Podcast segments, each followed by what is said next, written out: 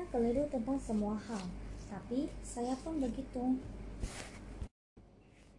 Anda keliru tentang semua hal, tapi saya pun begitu. 500 tahun lalu, para kartografer pembuat peta percaya bahwa California dulunya sebuah pulau. Para dokter meyakini bahwa dengan menyayat lengan seseorang atau di bagian tubuh mana pun yang mengakibatkan pendarahan dapat menyembuhkan penyakit. Para peneliti yakin bahwa api terbuat dari sesuatu yang disebut logiston. Para wanita percaya bahwa menyekakan air seni anjing ke wajah mereka bisa membuat awet muda. Para astronom yakin bahwa matahari berevolusi mengelilingi bumi.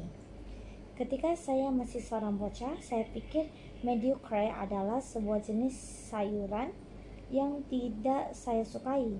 Saya juga berpikir bahwa abang saya telah menemukan sebuah jalan rahasia di rumah nenek saya karena dia bisa keluar rumah tanpa harus meninggalkan kamar mandi.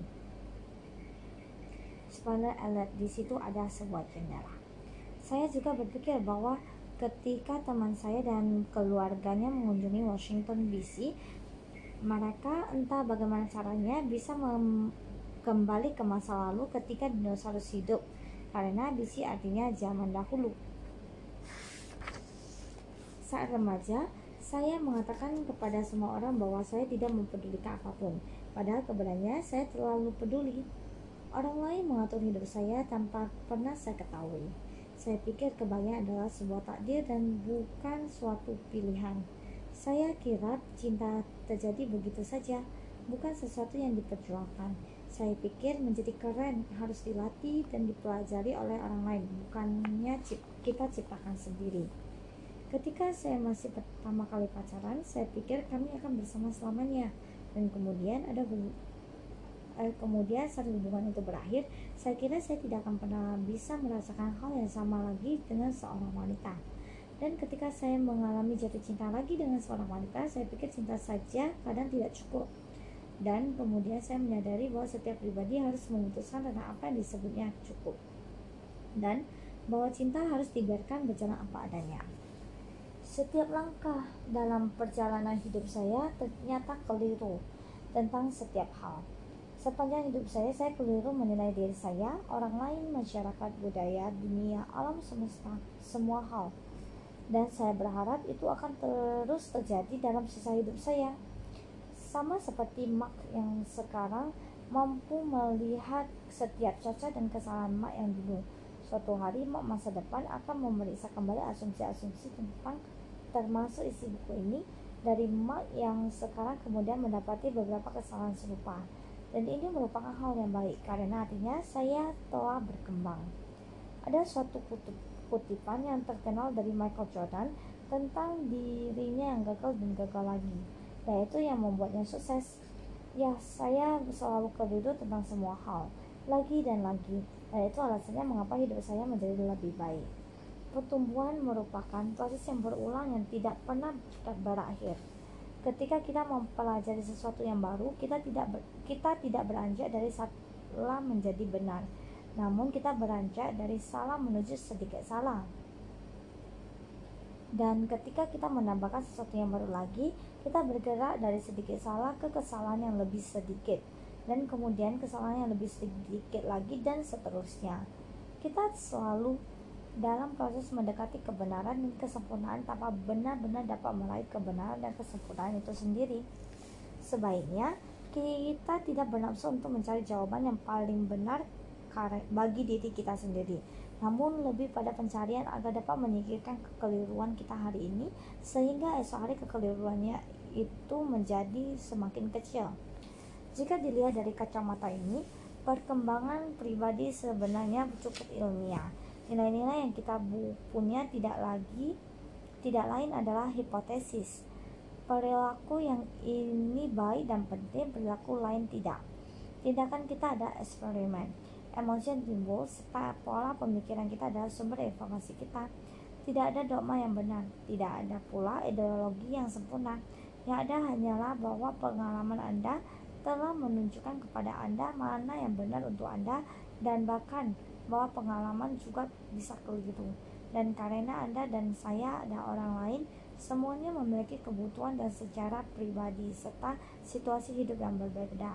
Kita semua tidak bisa tidak akan memiliki jawaban benar yang berbeda mengenai arti hidup kita dan bagaimana itu seharusnya dihidupi. Jawaban yang benar versi saya meliputi berkelana sendiri selama bertahun-tahun tinggal di tempat yang tidak jelas dan menawarkan kentut saya sendiri atau setidaknya itulah jawaban yang benar sehingga sekarang. Jawaban itu akan berubah dan berevolusi karena saya berubah dan berevolusi dan saya saat saya tumbuh dewasa dan lebih berpengalaman, saya sadar betapa kelirunya saya karena setiap hari kesalahan saya menjadi semakin sedikit. Banyak orang teramat terobsesi untuk dapat memiliki hidup yang benar, sampai-sampai mereka sesungguhnya tidak benar-benar menjalani hidup itu sendiri. Seorang wanita masih raja dan kesepian dan ingin punya pacar, tapi dia tidak pernah keluar dari rumah dan berusaha. Seorang pria bekerja membanting tulang dan yakin bahwa dia berhak naik pangkat, namun dia tidak pernah mengutarakan kepada bosnya. Mereka diajarkan untuk takut akan kegagalan atau penolakan, takut mendengar seseorang menampik permohonannya. Namun bukan itu poinnya. Tentu penolakan menyakitkan, kegagalan memuakkan. Meskipun demikian, ada keyakinan tertentu yang kita pegang. Keyakinan bahwa kita takut untuk mempertanyakan dan melepaskan nilai-nilai yang telah memberikan arti dalam kehidupan kita selama bertahun-tahun. Waktu itu, tidak ber, tidak kunjung beranjak keluar rumah dan pergi bekerja karena kalau sampai dia sungguh keluar, dia dipaksa untuk berhadapan secara nyata dengan keyakinannya sendiri untuk bisa memikat laki-laki. Pria tersebut tidak meminta promosi karena jika dia sampai mengutarakannya dia akan dipaksa untuk berhadapan dengan keyakinannya sendiri tentang keahlian apa yang membuatnya layak dipromosikan lebih mudah untuk berdiam diri dan dalam keyakinan yang menyakitkan bahwa tidak ada seorang pun yang akan tertarik pada Anda bahwa tidak ada seorang pun yang menghargai talenta Anda daripada benar-benar menguji keyakinan tersebut dan menemukan jawaban yang paling tepat. Keyakinan jenis ini bahwa saya tidak cukup menarik, jadi mengapa gusar? Atau bahwa bos saya seorang bajingan, jadi bodoh amat. Dirancang untuk memberi kita kenyamanan yang biasa saja dengan menggadaikan kebahagiaan yang prosesnya yang lebih besar nantinya. Ini adalah strategi jangka panjang yang buruk. Namun, kita berpegang pada keyakinan itu karena kita berasumsi kalau kita benar. Karena kita menyangka suatu sudah tahu apa yang kelak akan terjadi. Dengan kata lain, kita berasumsi kita tahu seperti apa akhir ceritanya. Kepastian adalah musuh dari pertumbuhan. Tidak ada yang pasti hingga itu benar-benar terjadi dan bahkan sesudahnya itu masih dapat diperdebatkan. Itulah mengapa penerimaan terhadap tidak terelakkannya ketidaksempurnaan dari nilai-nilai yang kita miliki penting untuk menyempurnakan nilai-nilai tersebut alih-alih ngotot untuk mencari kepastian. Kita sebaiknya terus berupaya untuk mencari keraguan, keraguan tentang keyakinan kita sendiri, keraguan tentang perasaan kita sendiri, keraguan tentang apa yang dipersiapkan masa depan untuk kita jika kita tidak keluar dan menciptakannya sendiri, daripada berusaha mencari menjadi benar setiap saat. Sebaiknya kita cari tahu bagaimana kita bisa keliru setiap hal, setiap saat. Karena kita memang demikian. Kekeliruan membuat kemungkinan adanya perubahan. Kekeliruan membawa kesempatan untuk tumbuh. Ini berarti tidak lagi menyayat lengan Anda untuk menyembuhkan flu atau mencipratkan kencing anjing di muka Anda agar terlihat mudah kembali. Ini berarti untuk tidak berpikir bahwa mediocre adalah sayuran dan tidak takut peduli terhadap suatu hal. Karena inilah sesuatu yang aneh tapi nyata kita tidak benar-benar tahu mana yang disebut pengalaman positif dan mana yang negatif. Beberapa momen yang sulit dan penuh tekanan dalam kehidupan kita berubah menjadi sesuatu yang sangat membangun dan memotivasi. Beberapa pengalaman terbaik yang pal dan yang paling memuaskan dalam kehidupan kita menjadi pengalaman yang sangat mengganggu dan menyurutkan semangat. Jangan percaya konsep Anda tentang pengalaman positif atau negatif.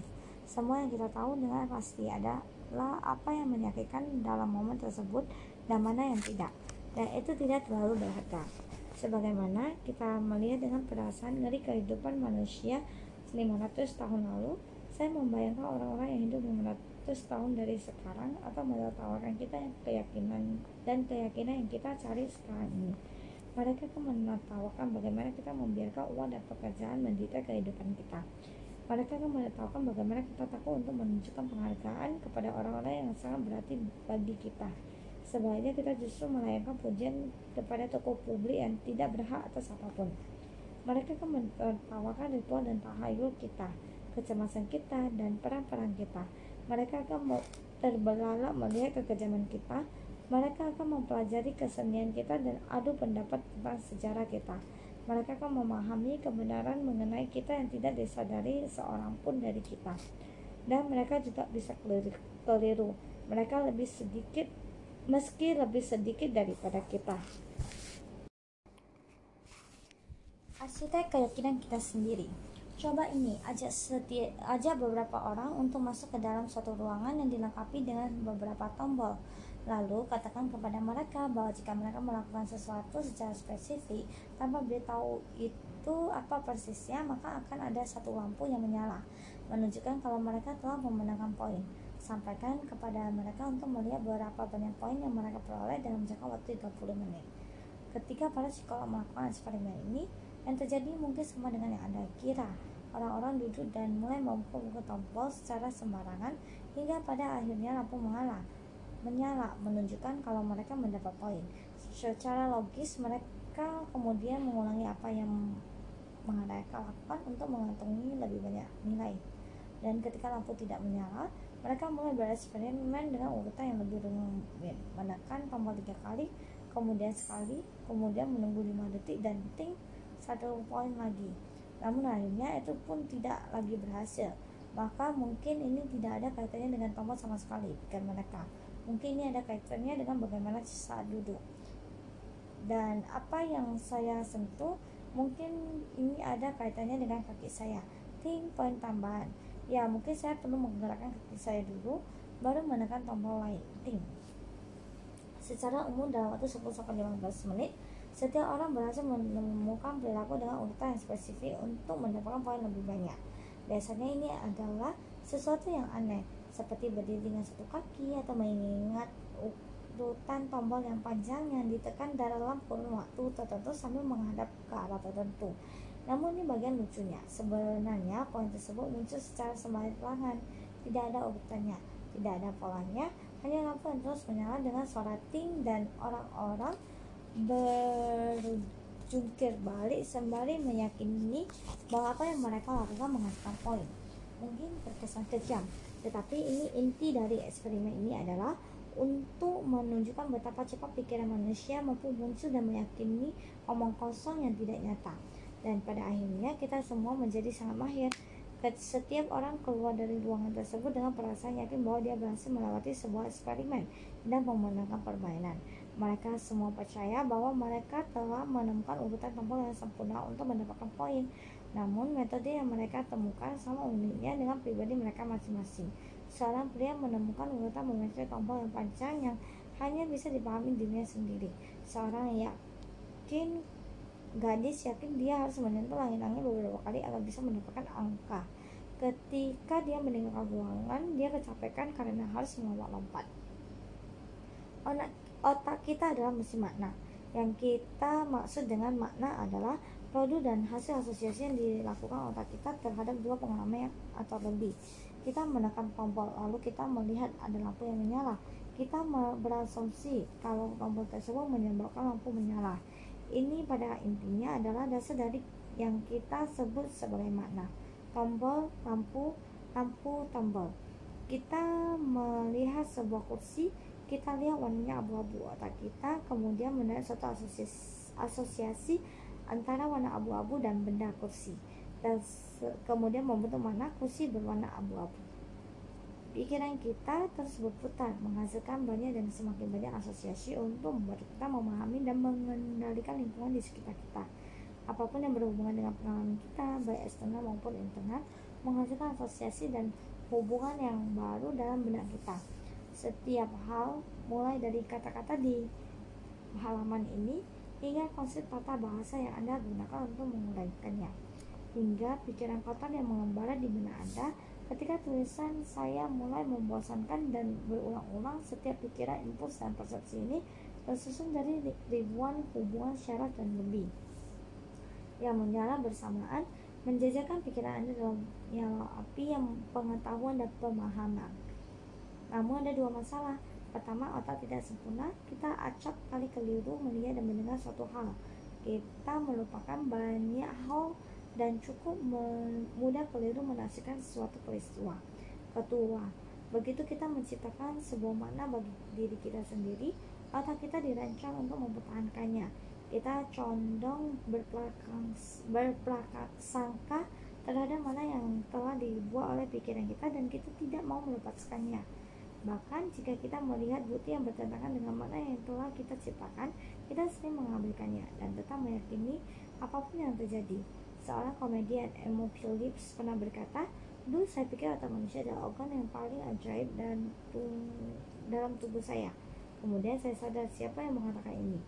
Fakta yang kurang menguntungkan adalah hampir semua yang kita ketahui dan percaya merupakan produk dari ketidakakuratan dan prasangka yang hadir dalam otak kita. Banyak dan bahkan sebagian besar nilai kita merupakan hasil dari peristiwa yang tidak mewakili dunia secara luas. Dan dengan kata lain hasil dari masa lalu yang keliru dipahami seluruhnya. Pangkal dari semua ini sebagian besar keyakinan kita keliru. Atau lebih tepatnya lagi semua keyakinan keliru beberapa hanya sedikit lebih keliru dari yang lainnya pikiran manusia adalah ketidakakuratan yang sangat adul dan meskipun itu membuat anda menjadi tidak nyaman ini merupakan fase yang sangat penting untuk diterima seperti yang kita lihat berikut ini. Berhati-hatilah dengan apa yang Anda percayai. Pada 1988, ketika menjalani terapi, seorang jurnalis dan pengarang berhaluan feminis Meredith Maran mendapatkan sebuah pengalaman yang mengagetkan. Ayahnya pernah melakukan kekerasan seksual terhadapnya ketika masih kecil. Ini sangat mengempas suatu ingatan yang berusaha ia lupakan sejak beranjak dewasa. Namun di usia 37 tahun, dia memutuskan untuk menghadapi ayahnya dan juga mengatakan kepada keluarganya apa yang telah terjadi. Kabar dari Meredith ini membuat seluruh keluarganya ketakutan. Ayahnya langsung menyangkal beberapa anggota keluarganya memihak Meredith. Yang lain memihak ayahnya. Pohon keluarga terbelah menjadi dua dan luka yang mengempas hubungan Meredith dengan ayahnya yang telah berlangsung lama sebelum pengakuan tersebut kini telah menyebar seperti jamur yang menyerang cabang-cabang pohon itu. Kabar itu telah menyayat hati semua orang. Lalu ta, pada 1996 Meredith menyadari sesuatu yang tidak kalah mengagetkan. Ayahnya tidak pernah melecehkannya secara seksual. Saya tahu. Dia dengan bantuan seorang terapis sebenarnya menciptakan sendiri memori tersebut. Dipenuhi dengan rasa bersalah dia menghabiskan sisa waktu selagi ayahnya hidup untuk mencoba berdamai dengannya dan anggota keluarganya eh, keluarga lain lewat permintaan maaf dan penjelasan yang disampaikannya berulang-ulang. Namun itu semua terlambat. Ayahnya meninggal dunia dan keluarga tidak akan pernah menjadi sama lagi. Rupanya Meredith tidak sendirian seperti yang dijelaskan dalam autobiografinya Miley The True Story of False Memory sepanjang 80-an banyak wanita menuduh anggota keluarga laki-laki mereka telah melakukan kekerasan seksual dan mengakui bahwa mereka telah salah menuduh beberapa tahun kemudian.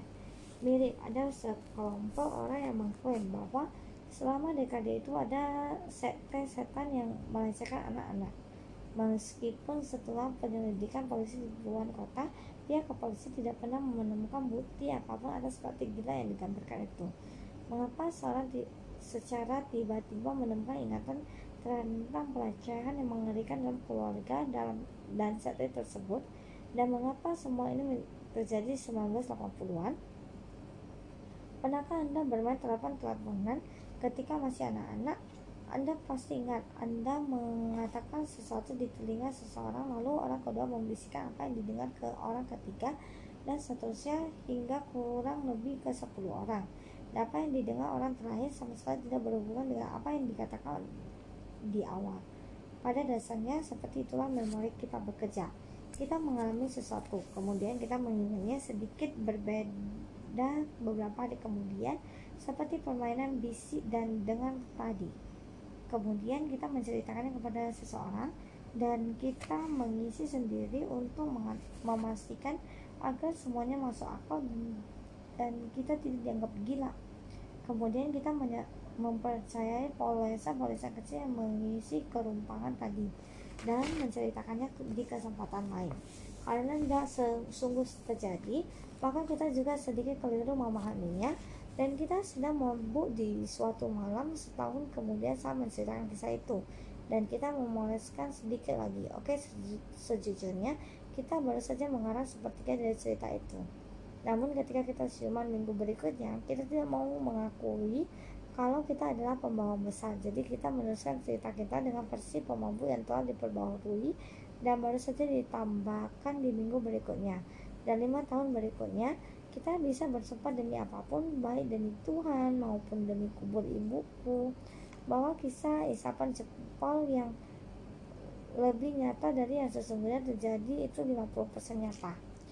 Kita semua melakukan ini. Anda melakukannya, saya melakukannya bodoh amat seberapa ju seberapa jujur dan beretikat baik diri kita kita selalu berada dalam sesuatu keadaan abadi untuk menyesatkan diri kita dan orang lain karena otak kita hanya dirancang agar efisien bukan akurat. Tidak hanya memori kita yang payah sampai pada titik bawah testimoni dari sanksi dari saksi mata tidak dianggap serius dalam kasus-kasus persidangan. Otak kita berfungsi dengan cara yang sangat bias. Bagaimana bisa begitu?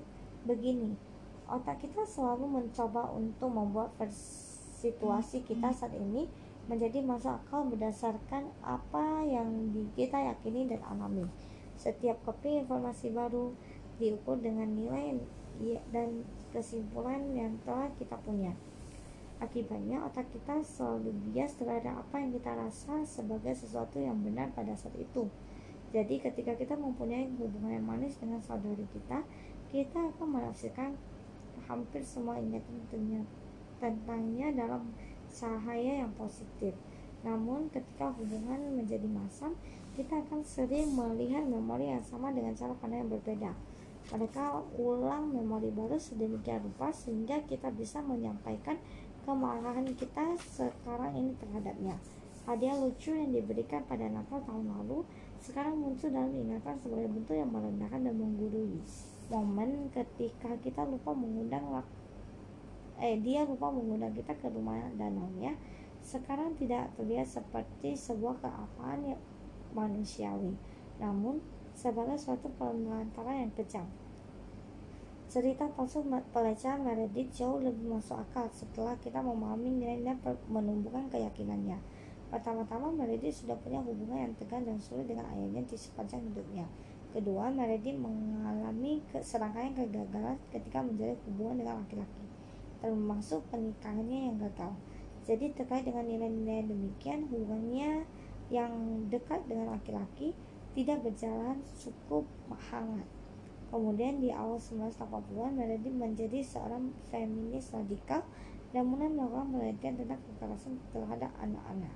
Satu persatu dia dihadapkan dengan kisah-kisah mengerikan tentang kekerasan dan dia bahkan bertemu dengan para penyintas hubungan incest biasanya anak perempuan selama bertahun-tahun dia juga melaporkan secara luas sejumlah kajian yang tidak akurat yang muncul sekitar masa itu studi yang kemudian secara kasar melebihkan merebaknya pelecehan anak-anak Studi paling terkenal melaporkan bahwa sepertiga wanita dewasa telah dilecehkan secara seksual saat masih anak-anak. Belakangan yang ditampilkan rupanya keliru. Dan di bagian paling atas dari semua ini, Meredith jatuh cinta dan memulai hubungan dengan wanita lain, seorang penyintas incest. Meredith menjalin sebuah hubungan yang saling tergantung dan buruk dengan pasangan itu yang mana di sela-sela hubungan ini Meredith terus berusaha untuk menyelamatkan wanita lain dari masa lalu yang traumatik. Pasangannya tersebut juga menggunakan pengalaman traumatiknya sebagai senjata rasa bersalah untuk mendapat kasih sayang Meredith. Lebih banyak dan tentang hal ini dan tentang batasan-batasan di delapan. Sementara itu, Hubungan Meredith dengan ayahnya semakin memburuk. Ayahnya tidak terlalu kaget ketika tahu putrinya punya hubungan lesbian. Dan dia pun mengikuti terapi dengan ketat. Para terapisnya dengan nilai dan keyakinan yang mereka miliki mulai menerapkan kebiasaan lama mereka bersikeras kalau pasti bukan hanya tekanan pekerjaan sebagai reporter dan tidak harmonisnya hubungannya yang membuat Meredith begitu tidak bahagia pasti ada hal lain, sesuatu yang lebih dalam. Di zaman itu, sebuah bentuk penanganan baru yang disebut repressed memory terapi, terapi memori yang ditekan, menjadi luar biasa populer. Dalam terapi itu, seorang terapis membuat kliennya berada dalam keadaan semacam trans, lalu di situ dia didorong untuk menuntut merunut akar masalahnya dan mengalami kembali memori masa kanak-kanak yang terlupakan. Memori tersebut biasanya menyenangkan namun setidaknya ada sebagian kecil merupakan pengalaman traumatis. Dan demikianlah Meredith yang malang dan keadaan yang menyedihkan dan mencoba menemukan kasus incest dan pelecehan anak setiap hari. Marah kepada ayahnya bertahan seumur hidup menanggung kegagalan hubungan dengan laki-laki dan satu-satunya orang yang tampaknya bisa memahami dan mencintainya adalah wanita lain yang juga penyintas incest. Oh, dan dia berbaring di sofa menangis setiap hari dengan saran terapis yang terus memintanya mengingat sesuatu yang tidak ada dalam ingatannya.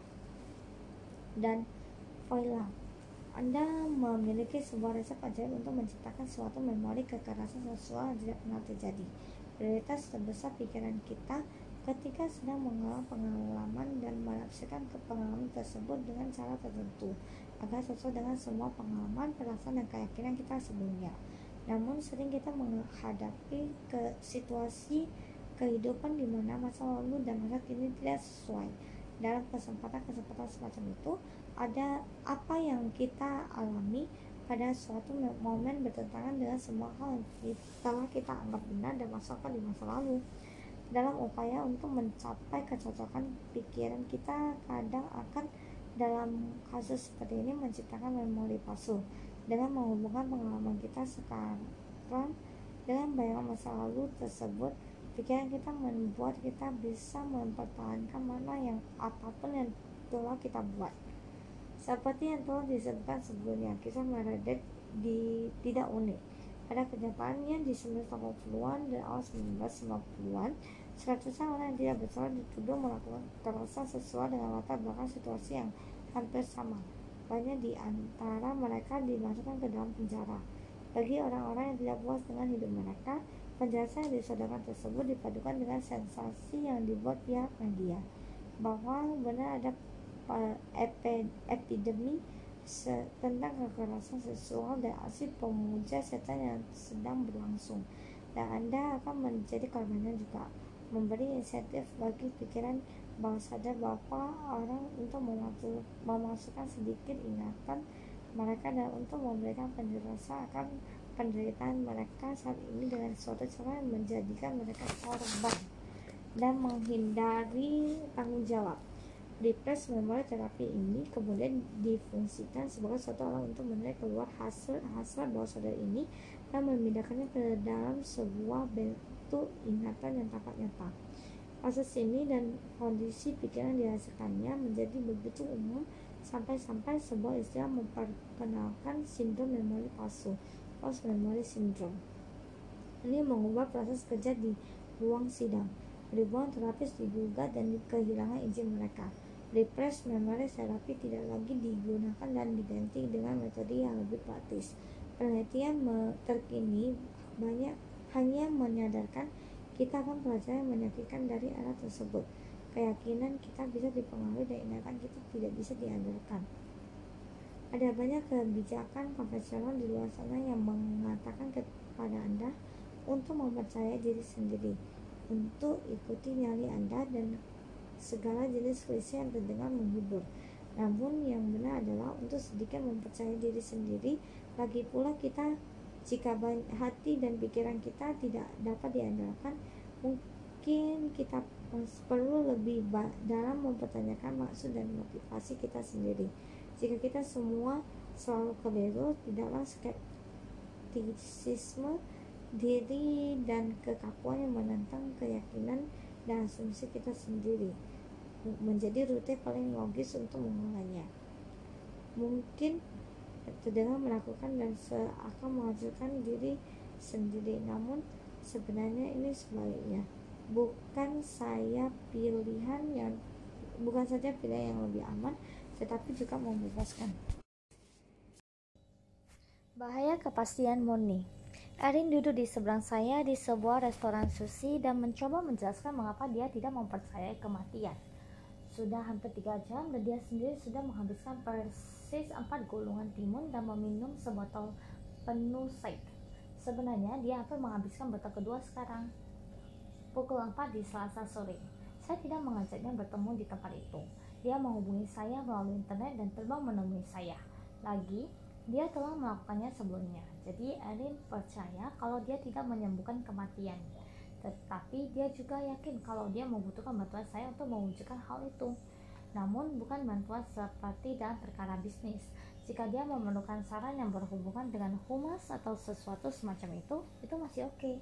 Tidak, ini lebih dari itu.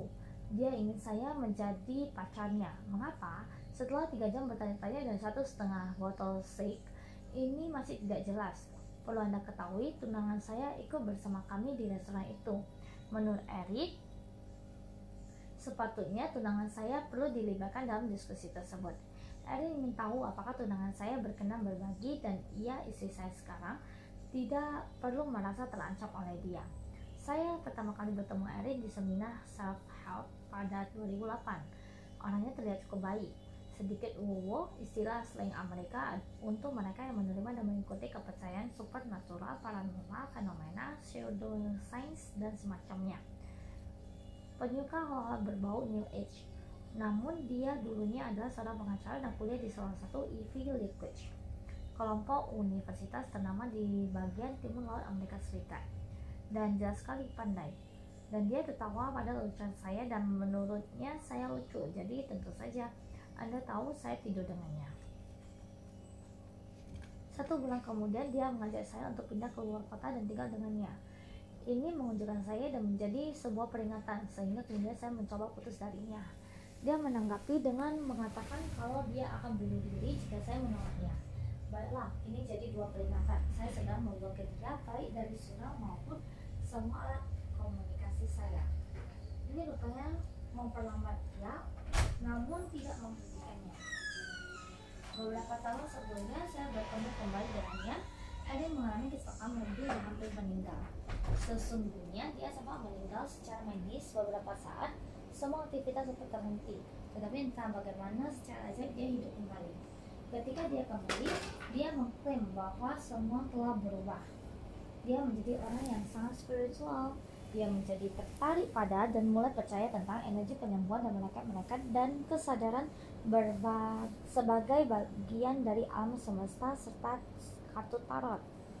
Dia juga percaya kalau dia telah menjadi seorang tabib dan peramal yang dapat melihat masa depan. Dan entah karena alasan apa, setelah bertemu dengan saya, dia memutuskan kalau dia dan saya ditakdirkan untuk menyelamatkan dunia bersama-sama. Untuk menyembuhkan kematian, tegasnya. Setelah saya memblokirnya, dia mulai membuat alamat surat baru. Kadang dia mengirimi saya puluhan surel penuh amarah dalam satu hari. Dia membuat akun Facebook dan Twitter palsu yang digunakan untuk melecehkan saya. Demikian juga orang-orang yang dekat dengan saya. Dia menciptakan sebuah situs web yang hampir sama dengan milik saya dan menulis puluhan artikel yang mengklaim bahwa saya adalah mantan kekasihnya dan bahwa saya telah berbohong kepadanya dan selingkuh. Bahwa saya telah berjanji untuk menikahinya serta bahwa dia dan saya ditarikan untuk bersama. Ketika saya menghubunginya agar menutup situs tersebut, dia mengatakan kalau dia akan melakukannya asalkan saya terbang ke California untuk bersamanya. Ide untuk berkompromi datang dari pihaknya. Dan setelah semua hal yang terjadi, kesimpulannya tidak berubah. Saya ditadikan untuk bersamanya, bahwa Tuhan telah menakdirkan hal ini, bahwa dia benar-benar terbangun di tengah malam setelah mendengar suara mereka yang menitahkan agar kami menjalin hubungan istimewa demi mengarungi era baru kedamaian abadi di muka bumi. Ya, dia sungguh mengatakan hal ini kepada saya. Hingga saya duduk bersamanya di restoran sushi itu, sudah masuk ribuan surat ke inbox saya. Entah saya tanggapi atau tidak, entah saya balas dengan sopan atau emosional. Tidak ada yang berubah. Pikirannya tidak pernah berubah. Keyakinannya tidak pernah goyah. Ini sudah berjalan selama tujuh tahun dan masih terus. Dan demikianlah di restoran sushi kecil itu, kami bersama Erin yang sedang menenggak shake dan membuat berjam-jam tentang bagaimana dia menyembuhkan batu ginjal kucingnya dengan menyalurkan energi. Sehingga saya pun berpikir, Erin adalah pecandu self improvement. Dia menghabiskan 10.000 USD untuk membeli buku dan mengikuti seminar staf khusus dan bagian paling gila dari semua ini adalah bahwa Erin menerapkan pentang-pentang semua ilmu yang setelah dipelajarinya. Dia memiliki mimpinya sendiri, dia gigih memperjuangkannya. Dia memvisualisasikan dan menerjemahkan dalam aksinya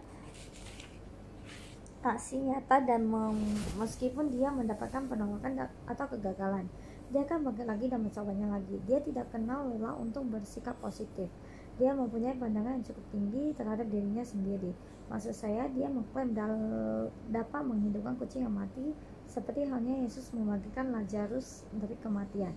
Alamat yang benar saja. Namun, semua nilainya benar-benar payah dan tidak ada satupun yang berguna. Faktanya, segala hal baik yang dilakukannya tidak membuatnya baik. Ada sebuah kepastian dalam dirinya yang tak mampu ia tinggalkan. Dia bahkan telah berulang kali mengaku kepada saya bahwa dia tahu kegemarannya ini jelas-jelas tidak rasional dan tidak sehat dan membuat baik dia maupun saya tidak bahagia. Namun karena alasan tertentu, hal tersebut tampak benar baginya, sehingga tidak bisa diabaikan dan dihentikan begitu saja. Pertengahan 90-an, sekolah psikolog Roy Baumeister mulai meneliti tentang konsep kejahatan. Pada dasarnya dia mengamati orang-orang yang melakukan hal yang jahat dan mengapa mereka melakukan itu.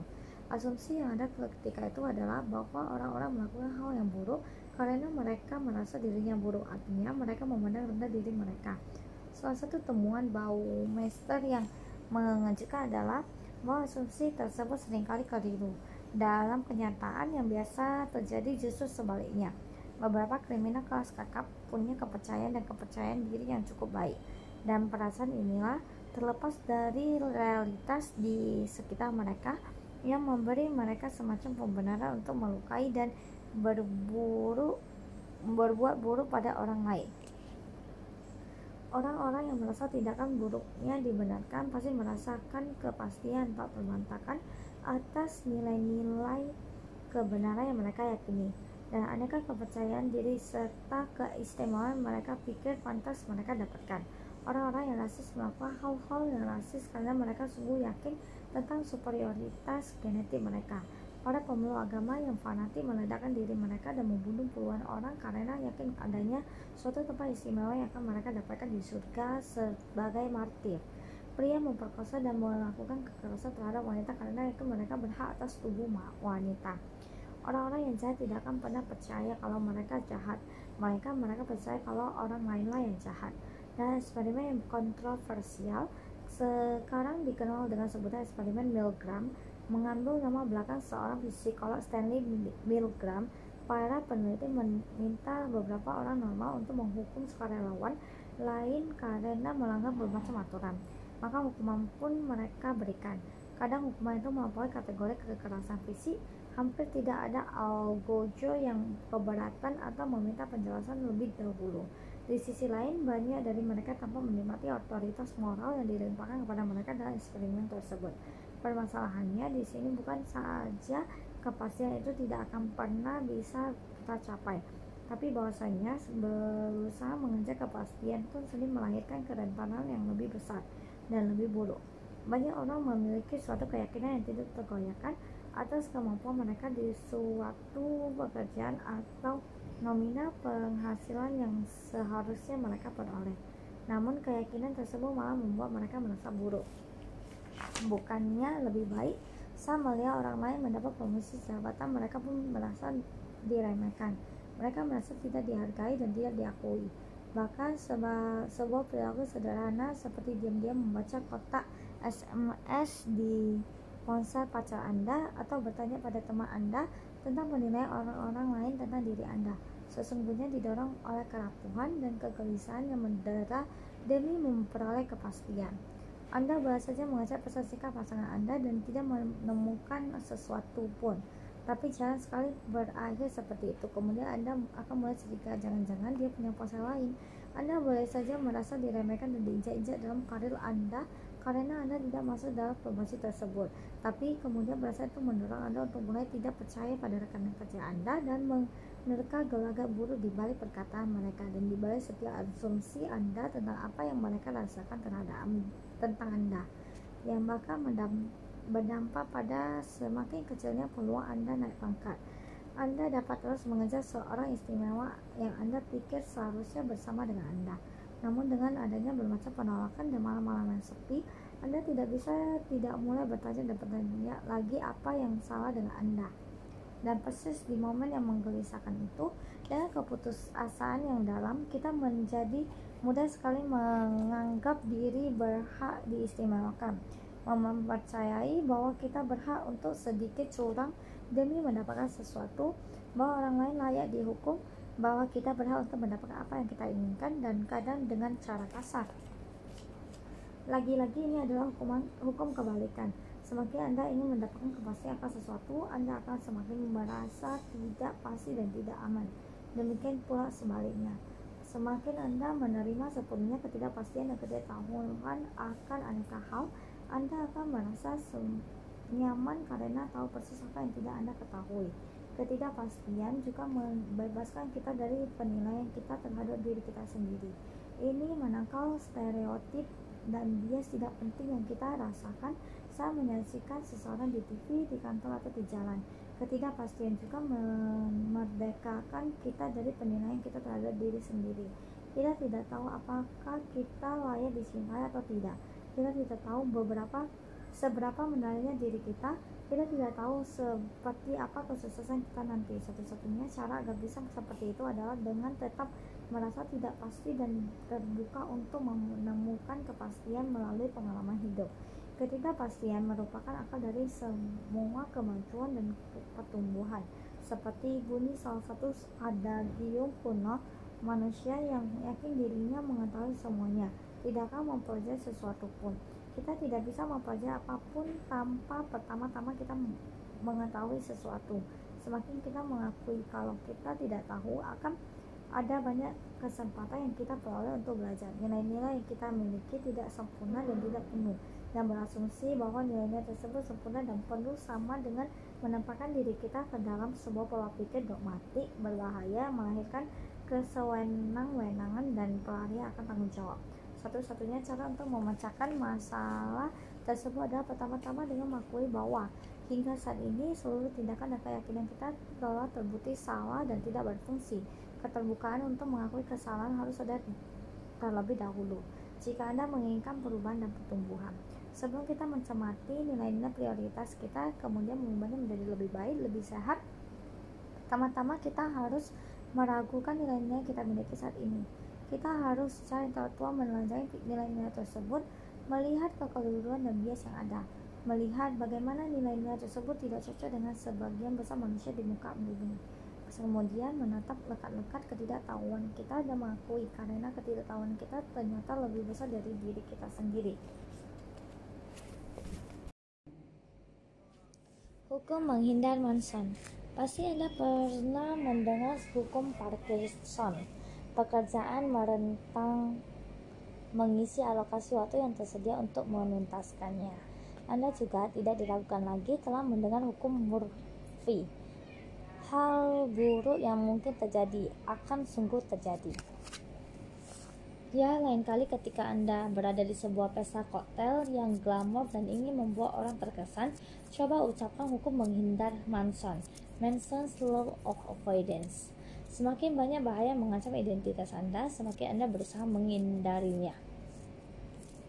Itu berarti bahwa semakin banyak hal yang mengancam cara Anda memandang Anda sendiri, cara Anda meyakini bahwa Anda akan menjadi sedemikian sukses atau tidak sukses, cara Anda bisa menghayati nilai-nilai yang Anda yakini, maka semakin sering Anda akan menghindar dari keinginan untuk mewujudkannya. Ketika Anda telah mengetahui cara Anda untuk bisa hidup di dunia ini, tentunya Anda merasakan semacam kenyamanan.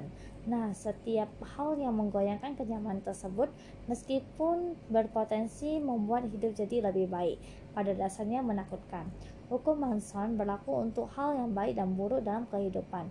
Memiliki penghasilan jutaan dolar dalam menganc dapat mengancam identitas Anda setara dengan kehilangan semua uang Anda. Menjadi seorang bintang rock yang terkenal bisa mengancam identitas Anda, setara dengan kehilangan pekerjaan Anda. Inilah mengapa orang kadang takut sukses. Untuk alasan yang sama, mereka takut gagal.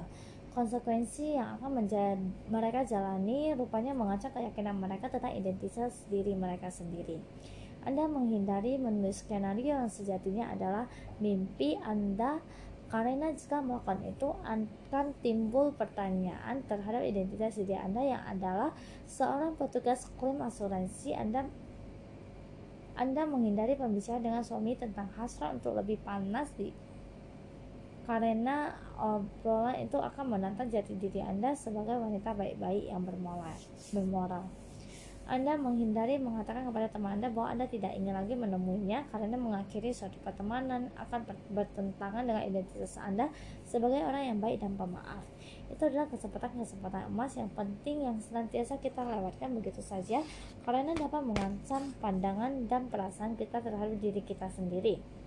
Mengancam nilai-nilai yang telah kita miliki dengan pelajaran untuk untuk ingin hidup.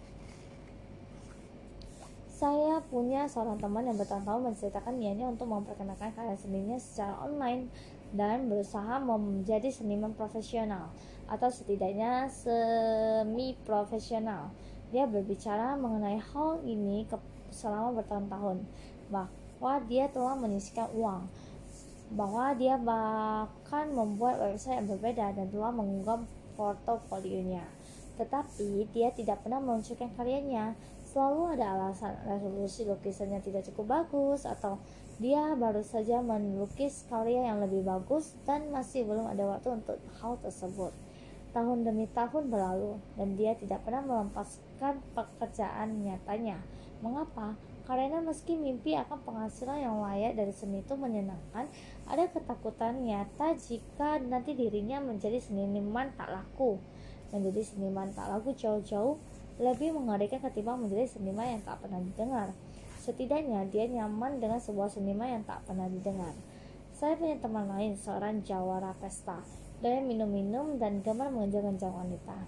Setelah bertahun-tahun hidup mengejar kenikmatan, dia merasa dirinya sangat kesepian, depresi, dan tidak sehat. Dia ingin mengubah gaya hidup pestanya. Dia iri kepada beberapa orang di antara kami yang sedang menjalin hubungan dengan lebih mapan daripada dia. Namun dia tidak pernah berubah setelah tahun demi tahun yang dilaluinya, malam demi malam yang hampa, botol demi botol, macam-macam alasannya, selalu ada dalih untuk mengurungkan niatnya.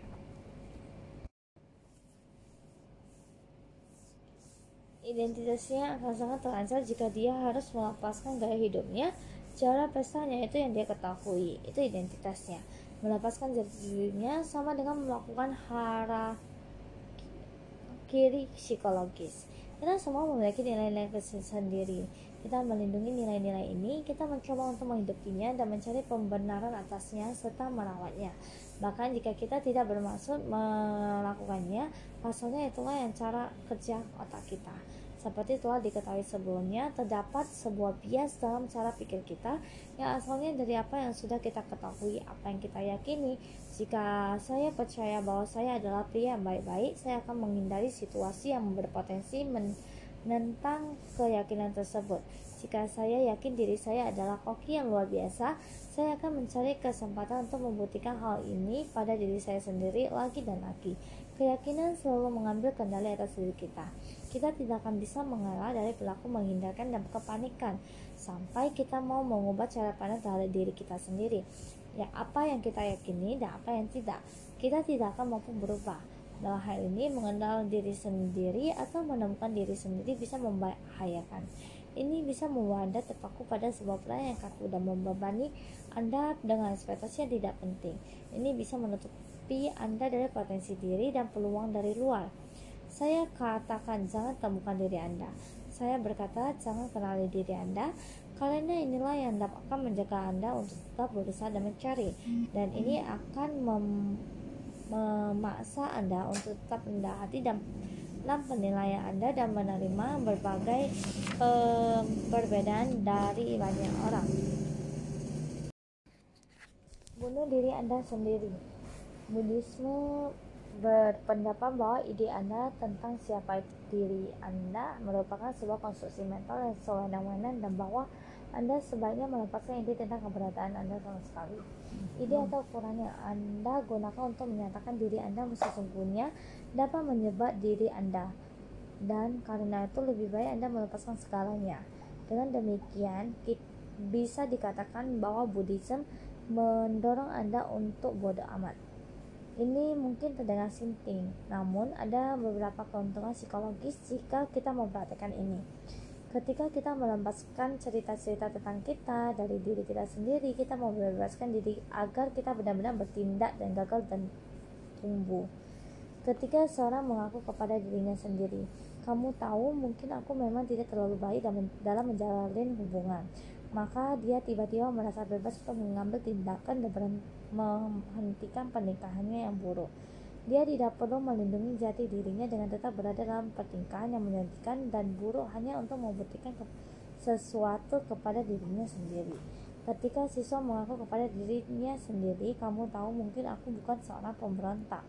Mungkin aku hanya takut, maka dia dimerdekakan untuk menjadi ambisius lagi dia tidak punya alasan untuk merasa terancam saat mengejar mimpi akademiknya dan mungkin gagal. Ketika seorang petugas firm asuransi mengakui bahwa baiklah barangkali tidak ada yang unik atau istimewa dari mimpiku dan pekerjaanku, maka dia merdeka untuk mengirimkan naskah skenario tersebut dan melihat apa yang akan terjadi. Saya punya kabar baik sekaligus kabar buruk untuk Anda. Sedikit saja yang unik dan istimewa dari masalah Anda Itulah mengapa mengikhlaskannya sangatlah memerdekakan. Ketika Anda merasakan ketakutan yang didasari oleh suatu kepastian tidak rasional, Anda cenderung akan terserat ke dalamnya.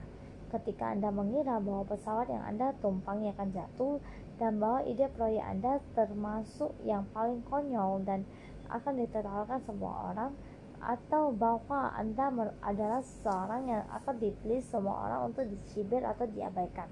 Secara implisit, Anda pun berkata demikian pada diri sendiri. Aku adalah per perkecualian. Saya tidak seperti orang lain. Saya berbeda dan saya istimewa. Ini adalah bentuk narsisme murni dan sederhana. Anda merasa sekarang masalah Anda layak untuk diperlakukan secara berbeda bahwa masalah Anda memiliki rumus matematika yang unik sehingga tidak mengikuti hukum fisika alam semesta. Saran saya, jangan jadi istimewa, jangan jadi unik. Definisikan ulang ukuran Anda dengan cara yang biasa dan umum. Pilihlah sebuah ukuran untuk diri Anda bukan sebagai seorang prima donna atau seorang jenius terselubung. Pilihlah ukuran diri Anda sendiri bukan sebagai korban yang mengerikan atau suatu kegagalan yang suram. Sebagai gantinya, ukur diri Anda dengan identitas yang lebih besar. Seorang siswa, seorang rekan, seorang teman, seorang pencipta. Semakin sempit dan semakin langka suatu identitas yang Anda pilih, semua hal yang akan tampak semakin mengancam Anda. Untuk alasan itu, sedapat mungkin nyatakan diri Anda dengan cara yang sederhana dan paling biasa. Ini sering berarti melepaskan beberapa ide gila tentang diri Anda, bahwa Anda secara unik cerdas atau luar biasa bertalenta atau menang dalam konteks yang intimidatif atau secara khusus menjadi korban dengan cara yang tidak pernah dapat dibayangkan seorang pun. Ini berarti melepaskan kepongahan Anda yang memandang diri Anda sebagai insan yang dinantikan oleh dunia ini berarti melepaskan kenikmatan-kenikmatan semu yang selama ini telah Anda pompa di dalam diri Anda, supaya hidup Anda bisa berjalan terus. Seperti seorang pecandu yang menyerahkan jarum, Anda akan mengalami penolakan saat memulainya. Namun, Anda akan merasa jauh lebih baik sesudahnya. Cara menjadi tidak terlalu pasti pada diri sendiri menanyai diri sendiri dan melakukan pikiran dan keyakinan kita sendiri merupakan salah satu keahlian yang paling sulit untuk dikembangkan. Namun ini bisa dilakukan. Berikut ini beberapa pertanyaan yang akan membantu Anda untuk mengembangkan sedikit kepastian dalam hidup Anda. Pertanyaan 1. Bagaimana jika saya salah? Seorang teman saya baru saja bertunangan. Laki-laki yang memintanya cukup meyakinkan. Dia tidak minum minuman keras, dia tidak memukulnya atau memperlakukannya dengan kasar. Dia ramah dan punya pekerjaan yang mampat. Namun, sejak pertunangan, abang teman saya itu tiada henti menasihatinya dengan ketidakdewasaan pilihan hidupnya, memperingatkan dia bahwa dia akan melukai dirinya sendiri jika hidup bersama dengan pria ini, bahwa dia akan membuat suatu kesalahan bahwa dia ceroboh. Dan setiap kali teman saya bertanya kepada abangnya, masalahmu apa sih? Emangnya kamu terganggu? Dia berangkat seakan-akan tidak ada masalah, bahwa tidak ada hal yang mengganggunya soal pertunangan, bahwa dia hanya berusaha menolong dan menjaga adik perempuannya. Namun jelas ada sesuatu yang mengganggunya. Mungkin ini adalah bentuk ketidakamanan sendiri terhadap pernikahan. Mungkin ini hanya rivalitas antara saudara kandung semata. Mungkin ini ada kecemburuan. Barangkali dia hanya tenggelam dalam perasaan menjadi korban.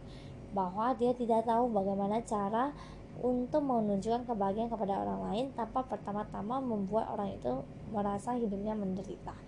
Terdapat aturan umum bahwa kita semua adalah pengamat yang paling buruk di dunia, khususnya jika diminta untuk mengamati diri kita sendiri.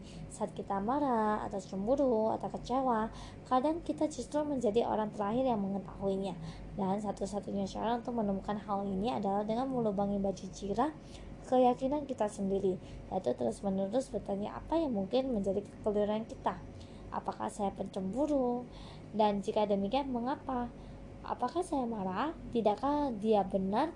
Saya hanya melindungi ego saya sendiri. Pertanyaan seperti ini perlu menjadi suatu kebiasaan mental. Dalam banyak kesempatan, tindakan sederhana seperti melontarkan pertanyaan-pertanyaan semacam itu membangkitkan kerendahan hati dan kasih sayang yang diperlukan untuk menyelesaikan banyak permasalahan kita.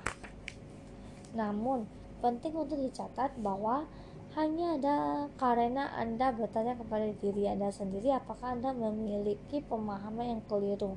Tidak serta-merta berarti Anda sungguh memiliki pemahaman keliru tersebut. Jika suami Anda mengajar Anda kepada diri Anda, eh mengajar Anda hanya karena daging panggangan yang gosong dan Anda bertanya kepada diri Anda Apakah Anda keliru mempercaya bahwa dia sedang memperlakukan Anda dengan tidak benar? Tidak bisa dipungkiri, kadang Anda benar. Tujuannya hanya untuk melayangkan pertanyaan dan menertawakan pikiran kita yang pada saat itu, bukan untuk membenci diri Anda sendiri. Penting untuk diingat bahwa demi suatu perubahan di dalam hidup Anda, Anda harus perlu pernah keliru akan sesuatu. Jika Anda duduk di sana merasa sedih hari demi hari, itu berarti Anda sudah keliru dengan sesuatu yang besar dalam kehidupan Anda. Dan jika Anda belum mampu menemukan kekeliruan tersebut dengan terus bertanya kepada diri Anda, maka tidak ada yang akan berubah. Pertanyaan kedua, apa artinya jika saya keliru? Banyak orang mampu bertanya pada diri mereka sendiri apakah mereka keliru, namun hanya sedikit yang mampu melangkah lebih jauh dan mengetahui dengan benar apa artinya jika mereka keliru. Penyebabnya adalah cara rasa sakit yang ada di balik kekeliruan kita tersebut. Langkah ini bukan saja mempertanyakan nilai-nilai kita, namun juga memaksa kita untuk mempertimbangkan apa jadinya dan seperti apa rasanya memiliki sebuah nilai yang bertentangan dan berbeda itu. Aristoteles menulis, tanda dari seorang yang terpelajar yang ada pada kemampuannya untuk menetalkan suatu pemikiran tanpa harus menerimanya mampu melihat dan mengevaluasi nilai-nilai berbeda tanpa perlu menerapkan mungkin adalah keahlian utama yang dituntut untuk mengubah hidup seseorang dengan cara yang sangat keliru. Eh sangat berarti. Seperti kasus abang teman saya di atas. Pertanyaan untuk dirinya seharusnya apa artinya jika ternyata pendapat saya keliru dengan pernikahan saudari saya? Kadang jawaban dari pertanyaan semacam itu cukup belak-belakan. Dengan bentuk jawaban seperti saya seorang yang egois, rapuh, kepala narsis. Jika dia keliru dan ternyata berpenutup tangan saudarinya baik-baik saja, sehat dan bahagia, sungguh tidak ada penjelasan lain untuk perilaku sang abang selain dia merasa tidak aman dan nilai-nilai yang kacau. Dia mengira dirinya tahu apa yang terbaik untuk adiknya dan bahwa sang adik tidak bisa membuat keputusan besar dalam hidupnya. Dia berasumsi dia memiliki hak dan tanggung jawab untuk membuat keputusan bagi saudarinya. Dia yakin dialah yang benar dan orang lain pasti salah. Bahkan seketika hal ini terkuak, entah dalam diri abang teman saya itu maupun diri kita sendiri, pengakuan semacam itu sulit diterima. Ini menyakitkan. Itulah mengapa hanya sedikit orang yang mampu melakukannya. Meski demikian, pertanyaan-pertanyaan tersebut diperlukan untuk menemui masalah inti yang memicu perilakunya dan kita yang menyebalkan. Pertanyaan ketiga, apakah kekeliruan Anda menciptakan permasalahan yang lebih baik atau buruk ketimbang permasalahan saya sekarang, baik untuk diri saya maupun orang lain?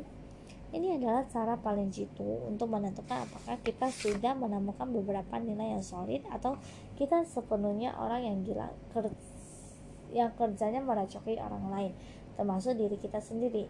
Di sini tujuannya adalah untuk melihat masalah mana yang lebih baik. Karena seperti yang dikatakan si panda nyinyir, masalah kehidupan itu tidak ada akhirnya. Dalam kasus abang teman saya, pilihan apa yang dimilikinya? A. Terus membuat drama dan gesekan dalam keluarga memperumit apa yang seharusnya menjadi saat yang membahagiakan dan menghancurkan kepercayaan dan rasa hormat saudarinya. Semua karena dia memiliki firasat. Beberapa orang mungkin menyebutnya intuisi bahwa laki-laki ini tidak baik untuknya. B. Tidak mempercayai kemampuannya sendiri untuk menentukan mana yang benar atau mana yang salah atas kehidupan saudarinya dan tetap rendah hati mempercayai kemampuannya untuk membuat keputusan sendiri dan bahkan di, jika dia tidak bisa mempercayainya, menerima dan menghargai apa pun itu sebagai sebuah cintanya kepada adiknya. Sebagian orang memilih opsi A itu karena pilihan A adalah jalan setapak yang lebih mudah. Ini tidak memerlukan pemikiran rumit, tidak perlu berpikir dua kali, dan tidak ada penolakan keputusan yang mengganggu Anda. Pilihan A juga menciptakan kepedihan yang paling dalam bagi semua orang yang terlibat. Sementara pilihan B menjaga hubungan yang sehat dan bahagia yang dibangun di atas kepercayaan dan rasa hormat. Pilihan B memaksa orang untuk tetap rendah hati dan mengakui kelalaian. Pilihan B juga memungkinkan orang untuk tumbuh melampaui rasa tidak aman mereka serta mengenai situasi manakala mereka menjadi impulsif dan tidak adil atau egois. Namun pilihan B ini sulit dan, dan menyakitkan. Jadi sebagian besar orang tidak memilihnya. Abang teman saya saat memprotes pertukangan adiknya masuk ke dalam sebuah peperangan imajinatif dengan dirinya sendiri. Tentu dia yakin bahwa apa yang dilakukannya adalah untuk melindungi saudarinya. Namun seperti yang kita lihat, keyakinan bersifat sewenang-wenang. Lebih parahnya, kadang bisa dibawa-bawa untuk membenarkan nilai dan ukuran yang telah kita pilih untuk diri kita sendiri. Sejatinya, dia memilih untuk menghancurkan hubungan dengan saudara perempuannya daripada mempertimbangkan kemampuan kemungkinan dia bisa saja keliru. Meskipun pilihan yang terakhir dapat menolongnya lepas dari rasa tidak aman yang jelas-jelas membuatnya keliru. Saya mencoba untuk hidup dengan sedikit aturan, namun salah satu aturan yang telah saya terapkan selama bertahun-tahun adalah jika saya merasa se seorang mengacaukan hidup saya atau melihat ada orang lain yang hidupnya kacau, sebenarnya sayalah yang jauh-jauh-jauh lebih kacau. Saya telah mempelajari ini dari pengalaman saya menjadi seorang yang brengsek karena bertindak berdasarkan rasa tidak aman dan kepastian-kepastian yang ternyata keliru lebih banyak daripada yang saya yang bisa saya hitung. Ini tidak baik. Ini mungkin berarti tidak ada hal-hal sudah barang pasti akan membuat hidup seseorang itu kacau. Bukan pula berarti bahwa ada kalanya anda bisa jadi lebih benar ketimbang orang kebanyakan. Ini hanyalah sebuah pernyataan. Jika rasanya seakan-akan Anda sedang melawan dunia, kemungkinannya adalah bahwa Anda sedang melawan diri Anda sendiri.